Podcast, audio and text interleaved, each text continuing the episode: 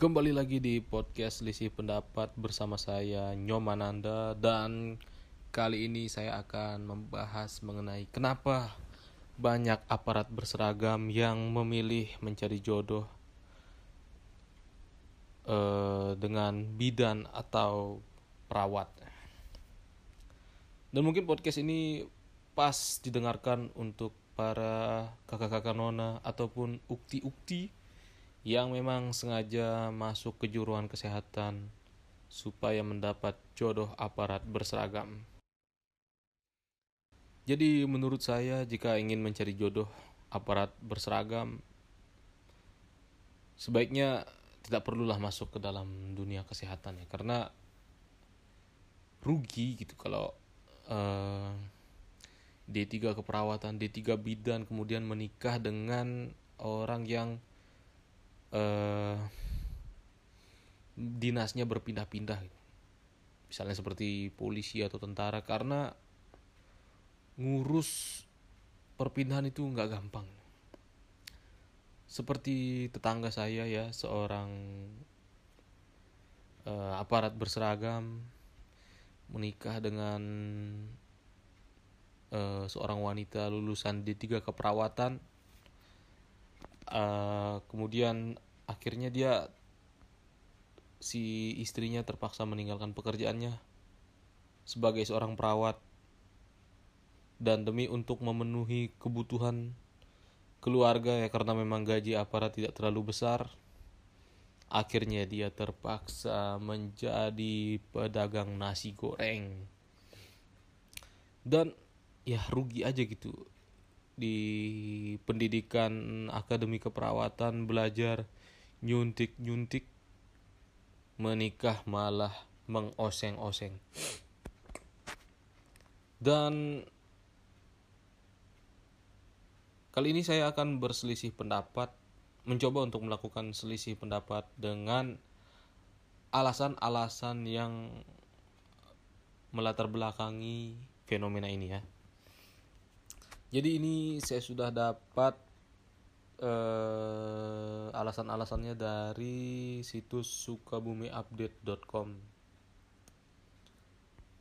Di sini dituliskan kalau kita langsung saja ke alasan yang pertama ya, dituliskan kalau yang pertama faktor lingkungan.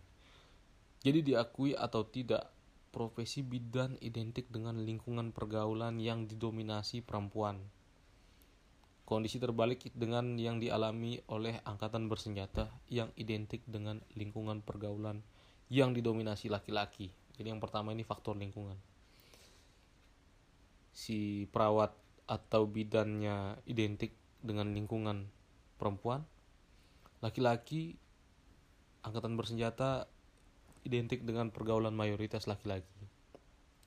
Kalau menurut saya ini sebenarnya bukan faktor lingkungan, tapi faktor sange atau faktor sama-sama haus seks karena jarang bertemu dengan uh, lawan jenis ya.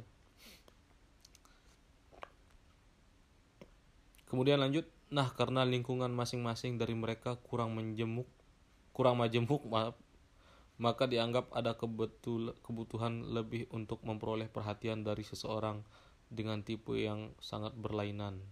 Jadi menikah deh. Uh, bukan cuma bidan atau perawat saja ya yang lingkungannya dengan wanita ya. Tapi pegawai salon juga uh, lingkungannya mayoritas perempuan. Kalaupun ada laki-laki pasti ngondek bener nggak? Karena jarang ada laki-laki kerja di salon dia berhasil mempertahankan keperkasaannya. Ataupun kalau memang dia perkasa ngapain masuk salon gitu. Jadi ini alasan yang menurut saya tidak valid. Kemudian yang kedua alasan yang kedua adalah kesamaan pola kerja. Kedua profesi ini memang dikenal dengan pola kerja yang tidak menentu. Mereka sama-sama harus siap sedia kapan saja dan dalam keadaan apa pun untuk menjalankan tugasnya Keduanya pasti juga mungkin tidak memiliki jam kantor yang pasti.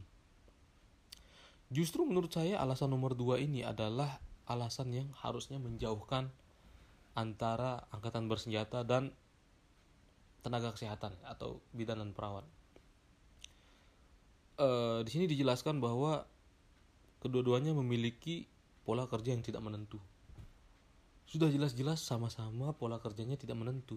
Terus yang mau ngurus anak siapa? Kalau tiba-tiba kedua-duanya mendapatkan panggilan gitu kan. Harusnya menikah dengan eh, ya ibu rumah tangga biasa gitu. Perempuan yang tidak berpendidikan tinggi saja. Karena untuk menutupi kekurangan maupun kelebihan. Jadi saling menutupi jika yang si aparat bersenjata tiba-tiba dipanggil yang perempuan siap melayani keluarga 24 jam. Kemudian alasan yang ketiga adalah kebiasaan atasan.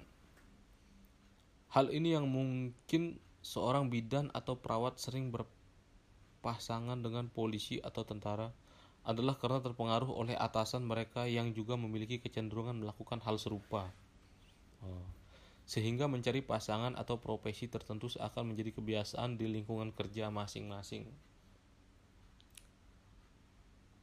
Menurut saya sih eh, kebiasaan dari atasan ini berarti membuktikan bahwa tentara yang menikah dengan bidan atau perawat adalah tentara berpangkat rendah. Karena kalau berpangkat tinggi, dia pasti menikah dengan anak pejabat. Contohnya seperti Pak Luhut anaknya seorang perempuan maksud saya menantunya seorang eh, panglima kostrat. Kemudian Bapak Prabowo Subianto menikahi anak dari Soeharto. Tentu saja anaknya Soeharto bukan bidan bukan juga perawat dan kemudian Bapak Jenderal Andika Perkasa menikahi anak dari Hendro Priyono yang pastinya juga bukan seorang bidan. Jadi alasan kebiasaan atasan ini hanya berlaku untuk tentara berpangkat rendah atau maksudnya polisi yang berpangkat rendah. Kemudian uh, saling melengkapi. Nah, ini tadi kita bilang tadi di alasan nomor dua justru saya bilang uh, tidak saling melengkapi. Justru malah saling melengkapi jika menikah dengan seorang pengusaha atau ibu rumah tangga biasa. Ini alasan nomor empat saling melengkapi. Bidan atau perawat memang dikenal sebagai wanita yang telaten dalam merawat keluarga dan anak-anak. Waduh. Mereka dapat diandalkan untuk hal itu, sedangkan polisi atau tentara identik dengan profesi yang bisa memberikan rasa aman. Rasa aman bagi keluarga, tentu saja bukan bagi pendemo. Kondisi ini mempresentasikan relasi yang saling melengkapi satu sama lain, bukan? Hmm, bukanlah. Bidan atau perawat dikenal sebagai wanita yang telaten merawat keluarga dan anak-anak. Setahu saya bidan dan perawat di sekolahnya mendapatkan materi merawat luka, bukan merawat keluarga dan anak-anak. Kalau untuk merawat keluarga dan anak-anak, khususnya anak-anak lebih masuk akal menikah dengan guru TK atau guru SD. Kemudian sedangkan polisi atau tentara identik dengan profesi yang biasa memberikan rasa aman. Maksud penulis artikel ini mungkin tentara atau polisi biasa mengamankan di kafe atau bagaimana maksudnya ini? Menurut saya ini tidak terlalu valid bisa dibilang valid tapi tidak terlalu karena yang telaten dalam merawat keluarga dan anak-anak bukan hanya bidan dan perawat. Harusnya guru TK atau uh, suster yayasan bisa. Jangankan anak kamu anak orang saja dirawat. Ya om.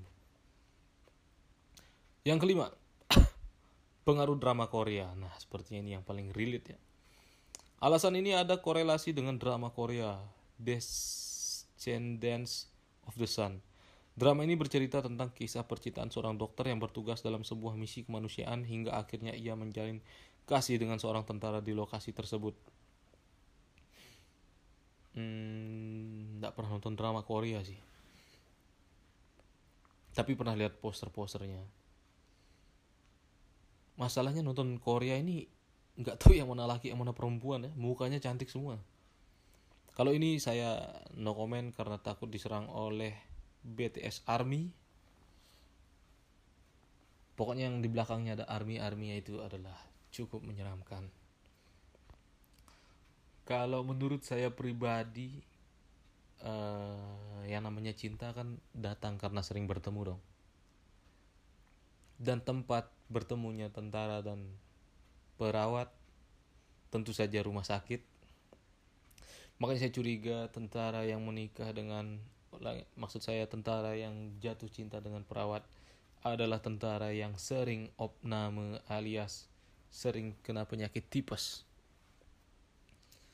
Oke, mungkin ini saja uh, pembahasan podcast dari saya. Untuk ukti-ukti teruslah bercita-cita menjadi perawat atau menjadi bidan tujuannya adalah mencari uang, jangan mencari jodoh karena jodoh akan datang dengan sendirinya, tidak harus dengan aparat berseragam, bisa saja Anda mendapatkan yang lebih seperti pengusaha atau pengacara atau bisa juga afiliator. Sekian dari saya Nyoman Anda. Terima kasih.